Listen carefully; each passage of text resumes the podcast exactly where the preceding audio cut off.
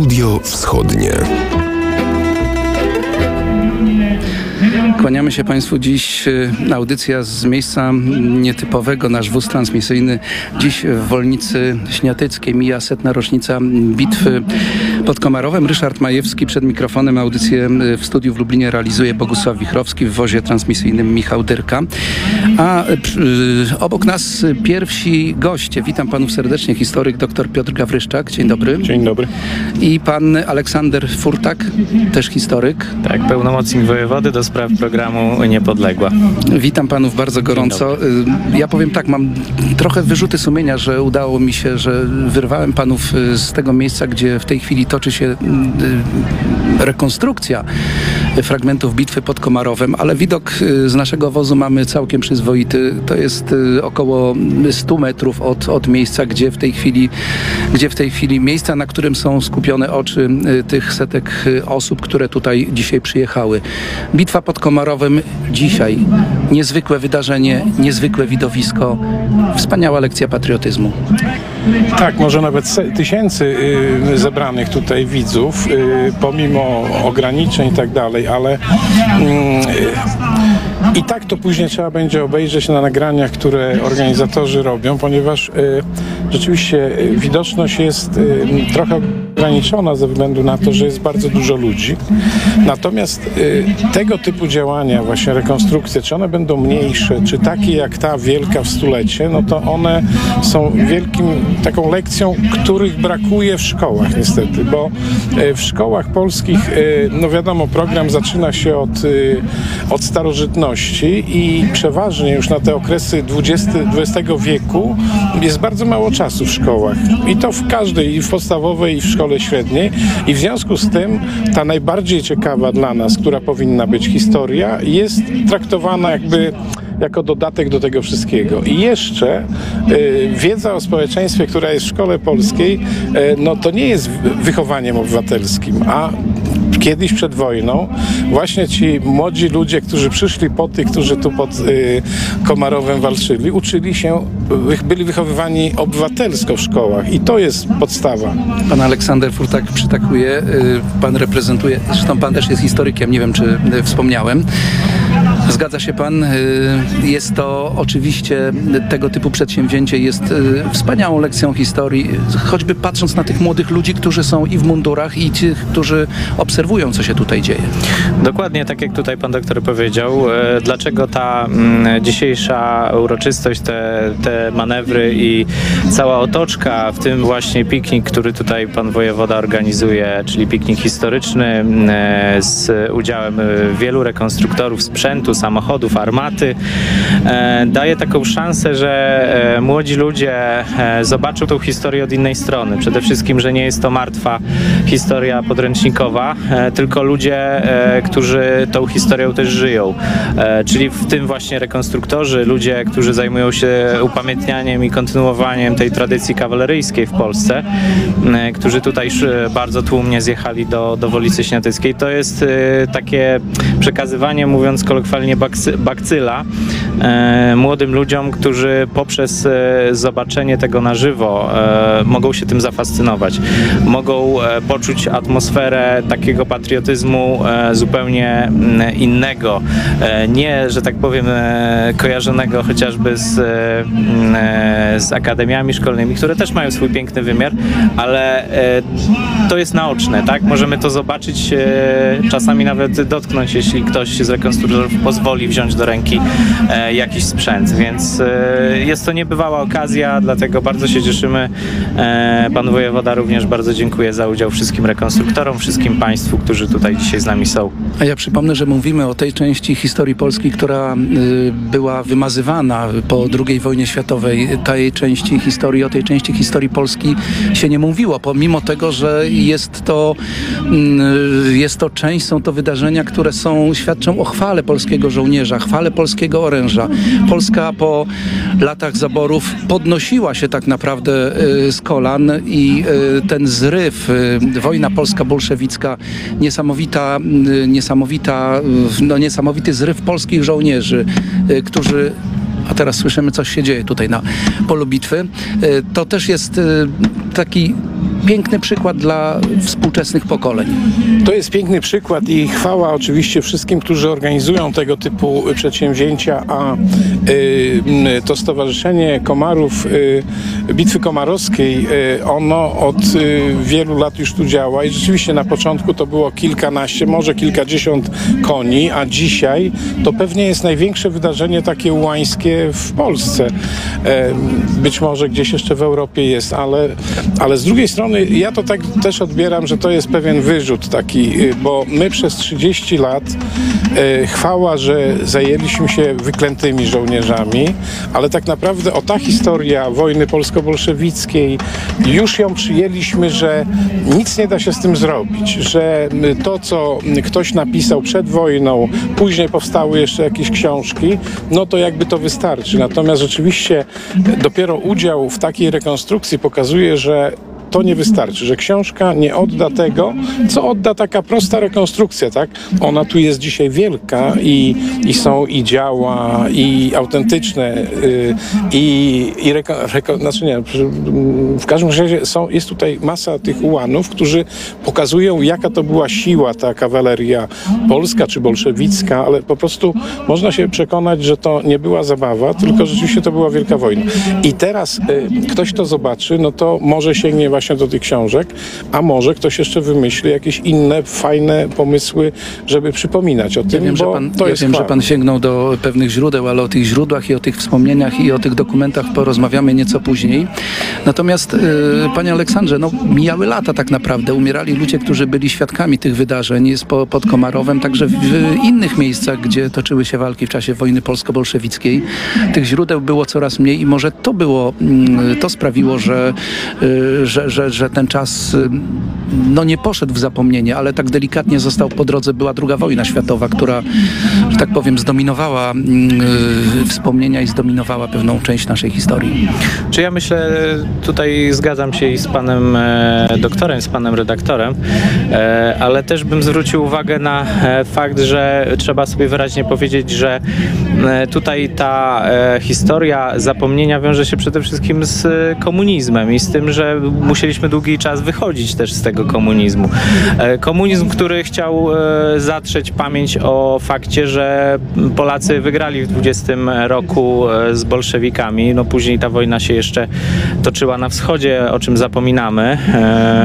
De facto nie skończyła się tak szczęśliwie, jakbyśmy chcieli, czyli odrodzeniem chociażby jakichś form polskiej państwowości, czy, po, czy chociażby tej idei federacyjnej, która by po, pozwoliła Polsce jeszcze bardziej się zabezpieczyć na lata międzywojenne e, od Rosji sowieckiej. No ale przede wszystkim, e, tak jak mówię, że zapominaliśmy ze względu na to, że wygraliśmy wówczas z wrogiem, e, który nam zakazywał mówienia o tej historii. Nasza historia była zdominowana głównie mm, pamięcią o II wojnie światowej, co jest jak najbardziej słuszne, ale zapominamy, że II wojna światowa była wynikiem właśnie tego, że Rosja sowiecka jednak istniała przez e, dwudziestolecie międzywojenne, że powstało wcześniej państwo e, komunistyczne, e, Rosja bolszewicka, która była no, największym naszym, moim zdaniem, zagrożeniem. Natomiast atak Niemiec w 1939 roku zdominował naszą świadomość. Później też fakt, że w 17 września był przez długi czas wykreślony z naszej historii, czyli ten element zagrożenia ze wschodu był cały czas w naszej historii przez lata PRL-u i nawet później e, jakby bagatelizowany. M, Dla nas e, jakby największym zagrożeniem takim mentalnym mamy w pamięci te obrazki e, czołgów niemieckich, samolotów, wielkiej, ogromnej siły technologicznej Niemiec III Rzeszy. Natomiast pamiętajmy, że Rosja bolszewicka w bardzo krótkim czasie zbudowała na bazie armii carskiej swoją siłę i musimy pamiętać, że i podkreślać wyraźnie, że to Polska wówczas e, uchroniła nie tylko swój własny byt bardzo krótki e, w stosunku do wcześniejszych długich lat e, zaborów, ale przede wszystkim uchroniła broniliśmy Europę, a Bitwa Komarowska ma to znaczenie, że mm, pozwoliła nam, że tak powiem, zablokować marsz Armii Konnej Budionnego, która miała za zadanie pójść na południe Europy. M, Jeśli chodzi o Tuchaczewskiego, to tutaj jego celem był zachód Europy, a Budionny miał iść na południe, więc e, pamiętajmy o tym, że e, Bitwa Warszawska to nie jest jeden, jedyny element tej wojny. Niestety jest takie wrażenie, że w czasie obchodów często te flagi, e, które wieszaliśmy na 15 zdejmujemy już później. Zapominamy o tym, że ta wojna się dalej toczyła. Panowie, takie pytanie, taka myśl. Jak panowie sądzą, y, wojna polsko-bolszewicka po zakończeniu wojny polsko-bolszewickiej, jaka była pozycja tego młodego państwa polskiego w Europie?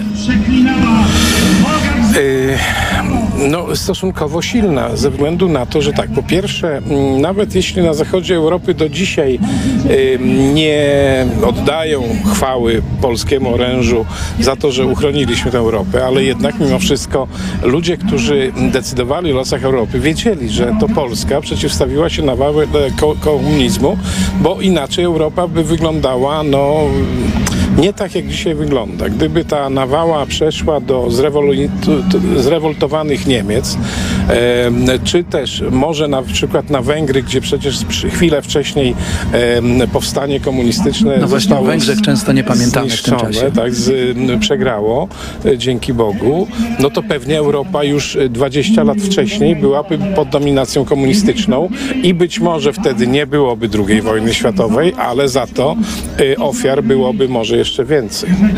E, A my do naszej rozmowy powrócimy za kilka minut. Studio Wschodnie, dziś y, Wolica Śniatycka i wspomnienie y, w setną rocznicę bitwy pod Komarowem. Naszymi gośćmi, przypomnę, są historyk dr Piotr Gawryszczak, a także również historyk, przedstawiciel Urzędu Wojewody, pan Aleksander e, Furtak. My, proszę Państwa, y, podglądamy ciągle to, co się dzieje na polu bitwy, gdzie trwają y, fra fragmenty rekonstrukcji bitwy pod y, Komarowem. Robi to ogromne wrażenie, przyzna pan, panie doktorze. To, co się dzieje tutaj. To jest, to jest wielkie przedsięwzięcie i e, ze stowarzyszenia. y, wielkie, wielkie wydarzenie i mm, naprawdę mm, warto tutaj bywać, tym bardziej, że już od szeregu lat, y, zawsze w okolicach 30, y, 31 sierpnia takie wydarzenia tutaj się odbywają. I y, trzeba jeszcze zwrócić uwagę na to, że y, ci rekonstruktorzy przyjeżdżają tutaj z, ze Szczecina, z Wrocławia, z odległych miejsc od, od Lublina i od Komarowa i robią to y, no wydając swoje pieniądze. Bardzo często to Ale z wielką satysfakcją, pieniądze. z wielką Z radością, wielką tak. satysfakcją, tak. I to widać właśnie, jak się tutaj rozmawia z tymi rekonstruktorami. Oni są zmęczeni. Trzy dni mieszkają, a to w namiocie jakimś, a to w samochodzie, a to gdzieś, ale z drugiej strony są szczęśliwi, że mogą wziąć udział w takim świetnym wydarzeniu. W związku z tym y, tu chwała wszystkim za to, że, że się poświęcają w ten sposób, bo to przecież nie dla nich, tylko dla nas. Oni oczywiście też bawią się w to wszystko, ale my mamy zabawę przed nią. Proszę Państwa, nasza audycja jest y, na żywo. Y, witamy kolejnego gościa. Dzień dobry. Dzień dobry, Stanisław Jucha, ułan kawalerii ochotniczej Barwak 8 Pułku Ułanów księcia Józefa Poniatowskiego z Krakowa. Pan, który y, reprezentuje i organi- również organizatorów, Tak. czyli stowarzyszenie, prawda? Tak, tak, tak, tak. Reprezentuję tutaj e, Stowarzyszenie Bitwa pod Komarowem, którego prezesem jest znany wszystkim Tomasz Dudek. ale bardzo zaangażowany w tej chwili i właściwie nie było możliwości, żeby pana Tomasza zapro- znaczy zaprosić może tak, ale, ale nie było możliwości fizycznej, żeby pan Tomasz się Niestety rozrywany jest od rana. Proszę powiedzieć dla państwa, pod adresem stowarzyszenia padło bardzo wiele ciepłych słów, y, nie tylko w związku z uroczystością, nie tylko w związku ze świętem, ale także przede wszystkim w związku z tym, co państwo robicie już od dłuższego czasu, chcąc y, upamiętniać, upamiętniać się tylko to wydarzenie pod Komarowem, ale także przypominać przypominać chwalebne czasy polskiej, yy, polskiej jazdy, polskiego wojska. No, przede wszystkim e, w założeniach stowarzyszenia były dwie rzeczy, które e, chciało stowarzyszenie e, urzeczywistnić. E, Tomek Dudek akurat jest człowiekiem, który mieszka tu opodal e, w Krzywym Stoku i od dziecka wychowuje się w pobliżu tych wzgórz. Wie na czym to wszystko polegało. Od 2001 roku organizuje obchody e, rocznic tej bitwy. W 2006 roku zarejestrowano stowarzyszenie, którego został prezesem.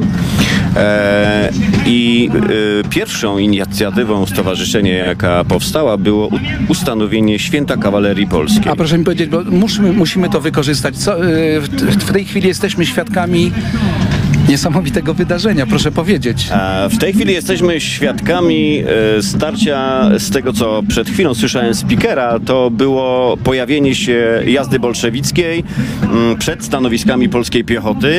E, Było to dosyć w dramatycznych słowach przedstawione, takich ludzkich, takich zwykłych, jak młody żołnierz pyta starszego wachmistrza, co się będzie działo i tak dalej, i tak dalej.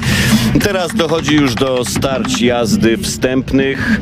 E, No cóż, Dwupłatowy samolot, który lata tam. Tak jest. Samolot, samoloty też się pojawią, dwa prawdopodobnie dwupłatowe, także widowisko będzie na pewno najbardziej okazałe z dotychczasowych, w których braliśmy tu udział.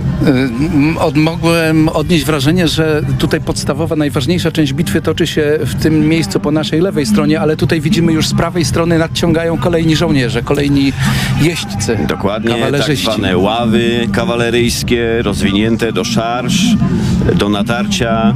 E, Co ciekawe, inaczej kawalerię formowano do natarcia na piechotę, inaczej na jazdę. E, Natomiast wszystko to odbywa się właśnie na zboczu wzgórza 255, o które e, bitwa trwała w 1920 roku. Trudno o lepszą relację. Teraz jeszcze spoglądamy w prawo, tutaj na wzgórzu. No, z moim wzrokiem trudno mi w tym momencie dostrzec, ale jest to na tyle pstre i, i barwne, y, że być może jest to jakaś forpoczta jazdy bolszewickiej. Samolot, y, tutaj już pan doktor y, Gawryszczak mówił, że też się pojawił, jeszcze będzie jeden samolot. To jest, podkreślamy to jeszcze raz, po raz kolejny, niesamowite, że panowie, y, panowie państwo, bo też są panie, prawda, z całej Polski y, spotykacie się tutaj. Ja nie wierzę, że to się odbywa tylko raz w ciągu roku. Y, Panowie macie, państwo macie ze sobą kontakt. Państwo kochacie to, co robicie, to czym się zajmujecie. Stowarzyszeń, które mm, za swój cel obrały sobie e, kultywowanie tradycji oddziałów polskiej jazdy, jest w Polsce mm, no, niezliczona ilość, można by było powiedzieć, co zresztą widać po e, ilości uczestników e, w tym roku. Tutaj w Komarowie spotykamy się faktycznie raz, ale jest to chyba największe święto od kiedy ktokolwiek postawił tu pierwszy raz swoją stopę. Ja to zrobiłem w 2006 roku i naprawdę od tego czasu e, było mi niezmiernie źle i, i niedobrze, gdy nie mogłem się tu wybrać z jakichś przyczyn osobistych lub zawodowych. Drugi samolot chyba nadlatuje w tym momencie. To akurat już współczesny helikopter wystar- wystartował. Pan Aleksander z wielkim, e, z wielką uwagą e, słuchał, obserwował to, co się dzieje. Pan, nieco młodsze pokolenie, dla pana, dla państwa, to jest właśnie też takie niesamowite dotknięcie historii, dotknięcie możliwość spotkania się z ludźmi, którzy mają tak niesamowitą pasję, tak niesamowite zaangażowanie, tak niesamowitą wiedzę, bo to jest też ważne, że ta, mm, to, co się dzieje, jest w oparciu o pewną wiedzę, o pewne konkrety. No dokładnie, to są ludzie, jak tutaj mieliśmy okazję posłuchać, kompetentni, którzy e, nie tylko e, czytają, nie tylko e, starają się odtworzyć te elementy wizualne, ale też żyć tym duchem i to jest chyba najbardziej piękne, że przekazują te wartości kolejnym pokoleniom. E, I to jest e, coś, co pokazuje, że nie jest to zwykła rekonstrukcja historyczna e, w postaci przebierańców, którzy są aktorami, tylko to są ludzie, którzy rozumieją, w czym biorą udział. Są przepełnieni tym duchem i starają się jakby nie tylko wczuć, ale żyć tym życiem chyba na co dzień, mi się wydaje, tymi ideałami. Ludzie na poziomie, miałem okazję troszkę zobaczyć z, z boku, jak wygląda przygotowywanie tego wszystkiego, więc jestem pod ogromnym wrażeniem. Tutaj składam e, wielkie wyrazy uznania dla całego stowarzyszenia. E, Myślę, że jest to rzecz niebywała, oryginalna na skalę nie tylko Polski, ale i Europy. E, I ze swojej strony bardzo się cieszę, że wreszcie takie, takie działania, tym bardziej, że są to działania głównie społeczne, powiedzmy sobie szczerze, zaczynają się przebijać do szerszej e, świadomości e, naszego, naszego społeczeństwa, narodu, e, bo wiele lat to była, jak tutaj pan chyba potwierdzi, praca taka organiczna, gdzie często spotykało się to z różnym, że tak powiem w cudzysłowie, zrozumieniem ze strony różnych tam osób mniej lub bardziej przychylnych, a tutaj wreszcie na stulecie udało się. Ja bym bardzo chciał, niestety tutaj COVID nam chyba najbardziej przeszkodził, jeśli chodzi o e, ten element, którego byśmy sobie życzyli, pan prezes, pan Tomasz Dudek chyba najbardziej, ale i całe stowarzyszenie, żeby w końcu e, ujrzeć w miejscu historycznym e, pomnik chwały kawalerii polskiej. O tym pomniku Mamy jeszcze, nadzieję, że to będzie w przyszłym jeszcze roku. powiemy. Natomiast y, y, ja nie wiem, czy to nie jest zbyt odważne stwierdzenie, ale miłość do polskiej jazdy, miłość do polskiej kawalerii przekracza granice, bo państwo są nie tylko tutaj z różnych części Polski. Wiem, że są goście z Niemiec. Wiem, że są goście z Francji. Tak przynajmniej tak, tak, tak, tak Są takie były zapowiedzi. z Niemiec, są Litwa. goście z Węgier, z Litwy. E, przez e, kilka e, ostatnich lat przewinęli się i Austriacy. Gościem był na przykład były atasze wojskowy e, w Krakowie Armii Austriackiej. Także sama wizja, sama, mm, sama jakby mm, wizja tej rekonstrukcji, tej bitwy tutaj roz, rozciąga się coraz szerzej. Ja pamiętam jak, jak panowie Niemcy jechali za mną w trójce, jak podjeżdżaliśmy pod, y, pod wzgórze na jednym y, kilka lat wstecz. Podjeżdżaliśmy i ja w pewnym momencie odwróciłem się, pokazałem im, że to jest właśnie wzgórze 255. Zrozumieli to i widziałem z jakim, z jakim wrażeniem powtarzają to sobie, że to jest to wzgórze, właśnie się pod niego wspinam. Tak jak w 20 roku wspinali się polscy kawalerzyści.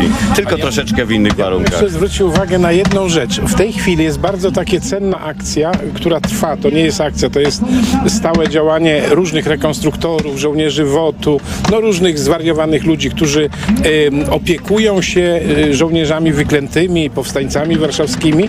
Natomiast w tych grupach rekonstrukcyjnych, które wtedy jeszcze może nie miały takiego e, polotu, ale też przecież był ten kontakt z ułanami przedwrześniowymi e, II Rzeczypospolitej. Czasami jeszcze zdarzali się ułani, którzy brali udział w wojnie polsko-bolszewickiej, więc to jest też także wartość, którą ja uważam, e, że, że was to dotknęło pozytywnie Ja bardzo, może że tylko dla przykładu, dla potwierdzenia tego, co Pan mówi, tylko taki, taką informację, że em, nasze stowarzyszenie w barwach 8 Pułku Łanów w Krakowie działało cały czas pod auspicjami koła pułkowego istniejącego jeszcze w Krakowie. Potem to e, zmieniło się w tak zwaną rodzinę pułkową i e, wśród nas, wśród kawalerzystów ochotników są jeszcze mm, osoby, które, którym e, prawo do barw 8 Pułku i tytułu ułana księcia Józefa nadawał jeszcze prezes, który był e, we wrześniu 39 podchorążym w szwadronie e, karabinów maszynowych w 8 Pułku właśnie ułanów. Także jest ta ciągłość. To właśnie to jest właśnie 50 najciekawsze. lat komuny, tak? E, wcześniej jeszcze 5 lat okupacji, ta ciągłość tradycji przekazywana jest i to jest także w tym wszystkim cenne. A do naszej rozmowy powrócimy już za kilka minut.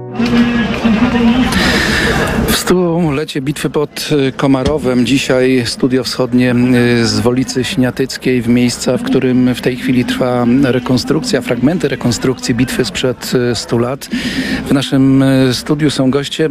Ja powiem tak, że w momencie, kiedy Państwo słuchają muzyki, tutaj trwa bardzo żywa dyskusja na temat tego, na temat samej bitwy, na temat tego, co się działo przed bitwą, y, tego, co się działo po bitwie. Y, A propos właśnie tych wydarzeń, tego czasu po bitwie, y, jest takie stwierdzenie, że, y, że bitwa tak nie do końca została y, zakończona. No pozwolono y, w znacznej części konarmi budowlanego y, przedostać się na wschodnią stronę Bugu i później jeszcze on y, przez kilka miesięcy, o kilka tygodni walczył z polskim wojskiem, aż w końcu został prze, przerzucony na Syberię. Natomiast rzeczywiście są we wspomnieniach różnych osób krytyczne uwagi co do działań niektórych dowódców, na przykład drugiej Dywizji Piechoty Legionów, wtedy chyba pułkownika Rzymierskie, Rzymierskiego, y, czy też nawet y, są bardzo krytyczne uwagi w stosunku do ówczesnego generała Stanisława Halera, który dowodził tą grupą pościgową, z, y, on szedł z Lwowa na czele 13 Dywizji Piechoty oraz właśnie w jego składzie grupy pościgowej była ta pierwsza dywizja jazdy. I tutaj też są duże mm, krytyczne uwagi, na przykład generała w tym momencie, przepraszam, uleciało mi nazwisko, w każdym razie y, bardzo krytyczne uwagi co do jego y, działań, także tutaj pod Komarowem. Właśnie, że nie domknął y, tego okrążenia i pozwolił y, y, części bolszewików wycofać się spod Komarowa. Przed tą audycją mówił pan, że y, udało się sięgnąć y, do różnych źródeł, które wspominają to, co się działo pod Komarowem, to, co się działo y, przed samą bitwą, y, relacje samej bitwy i to, co było po tym y, niezwykle ważnym wydarzeniu. Tak, jest szereg, szereg e, e, wspomnień, które możemy znaleźć na przykład w bibliotece cyfrowej, w bibliotekach cyfrowych i są to, są to wspomnienia zarówno, e, zarówno Rudolfa Rupa, dowódcy jednego z pułków, drugiego pułku szwoleżerów, czy też e, e, Aleksandra Pragłowskiego, Stefana Dębińskiego, dowódcy bryga, 6 Brygady. Jest, są też wspomnienia samego Juliusza Rumla, y, który dowodził tutaj drugą dywi- y, pierwszą dywizją jazdy. Y, I to rzeczywiście, mm, bo no, bitwa pod Komarowem, no to trakt, często traktowana jest, no jakieś tam oddziały po, po stronie polskiej brały udział, po stronie bolszewickiej jest mowa o tych 6 tysiącach bolszewików i półtora tysiąca polskich ułanów, ale przecież e, trzeba na to spojrzeć szerzej, bo dookoła była trzecia armia, którą już wtedy pod, w czasie bitwy pod Komarowem dowodził Sikorski i to były trzy dywizje piechoty. I jest w końcu ta dywizja piechoty 13 Halera, który, y, gdzie, gdzie też są tysiące żołnierzy, tak, więc to sama bitwa, oczywiście tutaj y, po, na wzgórzu 255, gdzie były tak de facto dwie bitwy, zresztą y, wygrane pierwsza atakiem ósmego pułku Ułanów, a druga y, właśnie dziewiątego w barwach. Dru, w drugim, drugim, drugim kończył ósmy. Y, ósmy kończył, a dziewiąty zaczynał i y, y, Krzeczunowicz y, tutaj szarżował.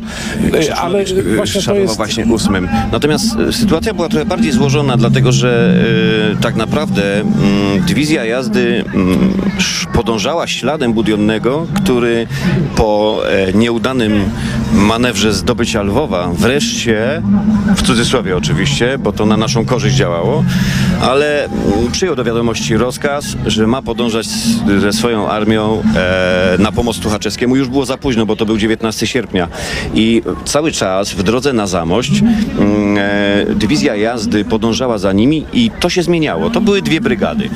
W jednym dniu na czele szła szósta, w drugim siódma i tak dalej, i tak dalej, i tak dalej. I tak naprawdę nikt nie planował tego starcia na ten dzień, w którym on się odbył. E, w przeddzień e, bitwy szósta, siódma brygada akurat tak się złożyło, że nocowała w Komarowie, a szósta akurat w Tyszowcach. Więc łącznik właśnie z dywizji piechoty od naczelnego dowódcy tej grupy pościgowej, generała Stanisława Halera, który jechał z rozkazem do Juliusza Rumla do Tyszowiec, zatrzymał się w Komarowie, przejął ten rozkaz dowódca 7 brygady Henryk Brzezowski i nie czekając na decyzję swojego dowódcy, za, rozpoczął wykonanie tego rozkazu i kierując się na Cześniki, bo taki był właśnie plan, że mają za, zamknąć w tak zwanym saku e, budionnego, tutaj zanim on zdoła się wycofać spod, e, spod Zamościa. E, to, co ujrzał, to ujrzał wzgórze 255 i chciał je zająć ze względu na to, że dawał e, wspaniały wgląd w główny kierunek cofania się budionnego z Zamościa poprzez Niewirków, Cześniki na Chrubieszów. To są przepiękne i bardzo interesujące fragmenty z historii, akurat historii tego niezwykłego, bardzo ważnego wydarzenia. Ja powiem tylko tyle, że trochę żal, że y, te informacje, że- że tych informacji nie ma ma, przynajmniej tak mi się wydaje, w, w Jeśli tych, mogę tej jeszcze wiedzy słowo, to właśnie szkolnej. A propos, bo ciekawą rzecz pan poruszył. E, kiedyś tak, kiedyś tak, kiedyś e, wiadomo z jakich względów w ogóle nie było mowy o tej wojnie. E, potem e, głównie e, mir pierwszeństwa uzyskiwała Bitwa Warszawska, czego, czego absolutnie nie można jej odebrać.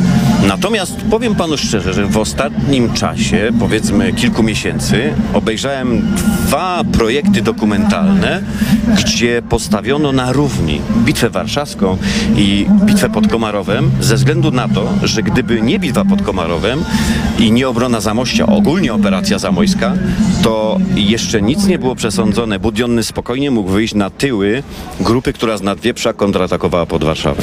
Ja myślę, że dla chcącego nie ma nic trudnego i y, badacz historii, jeżeli będzie tylko chciał, to na pewno wiedzę, źródła znajdzie choćby w internecie. Jest mnóstwo wspomnień. Panowie, jeszcze jedna ważna, bardzo ważna sprawa na koniec naszej dzisiejszej rozmowy, na, te, na koniec dzisiejszego programu. No, nie udało nam się rekonstruktorów tutaj ściągnąć, bo oni są ciągle zajęci i mają masę, masę, masę, I będą całą masę pracy. Mówimy o tym miejscu, mówimy o sposobie upamiętnienia. W tym roku się nie udało. W przyszłym Tak, roku. nie udało się, ale tak jak wspomniałem na początku, właśnie te dwa główne cele, e, właściwie trzy. Pierwsze to było w ogóle nagłośnić to starcie pod Komarowem. To sobie stowarzyszenie wzięło za cel, dlatego że to, była, to był dosyć nieznany, w cudzysłowie, epizod. Okazuje się jak bardzo ważny i istotny. Drugim to było ustanowienie Święta Kawalerii Polskiej. To się udało. W 2009 roku na wniosek Stowarzyszenia Ministerstwo Obrony Narodowej ustanowiło dzień 31 sierpnia świętem Kawalerii Polskiej. E, rok później było obchodzone po raz pierwszy i jak pan wspomniał, w tym roku planowaliśmy odsłonić pomnik. To jest nasz bardzo ważny i to jest testament kawalerzystów z międzywojennego okresu, którzy planowali to zrobić. Niestety druga wojna światowa przerwała. Panie Aleksandrze, y, domyślam się, że inicjatorzy tego przedsięwzięcia mogą liczyć na Urząd Wojewody i na wszelką pomoc ze strony Urzędu Wojewody, jeśli chodzi o y, tę konkretną sprawę. Urząd Wojewódzki praktycznie od momentu, kiedy ten temat się pojawił, e, jeśli chodzi o kontakt tutaj między stowarzyszeniem a wojewodą. E, jeszcze wcześniej, jak e, wojewodą był pan e, profesor Przemysław Czarnek, już ta sprawa była, że tak powiem, em, tutaj propagowana i poparcie było wyraźne. E, Także jeśli chodzi o kwestie nawet e, wspierania na innych szczeblach, to tutaj poparcie było i jest. Także liczymy, że nic nie stanie na przeszkodzie, że w przyszłym roku spotkamy się w Komarowie już przy pomniku. Jesteśmy pewni, że tak się stanie. My niestety, my niestety kończymy dzisiejszą audycję. Bardzo nie mówię niestety, panie Stanisławie. Można by było bardzo długo rozmawiać. My tutaj, proszę państwa, z jednej strony rozmawialiśmy, a z drugiej strony śledziliśmy, e, śledziliśmy m, bitwę, fragmenty od, e, odtwarzane bitwy pod Komarowem. Jeżeli e, państwo, no nie wszyscy państwo mogli wziąć udział w dzisiejszym widowisku, zapraszam na naszą stronę internetową radio.lublin.pl. Na tej stronie znajdą państwo i zdjęcia, i relację filmową z tego mm, wydarzenia. Natomiast ja już panom bardzo, bardzo serdecznie dziękuję. Historyk dr Piotr Gawryszczak. Dziękuję bardzo. Aleksander Furtak, Lubelski Urząd Wojewódzki, Dziękuję też serdecznie. historyk. Stanisław Jucha, Stowarzyszenie Bitwa pod Komarowem. Ryszard Majewski, mówię Państwu do usłyszenia. Y, Bogusław Wichrowski audycję realizował w studiu w Lublinie, a Michał Dyrka w naszym wozie transmisyjnym. Przypomnę, dziś w Wolicy Śniatyckiej.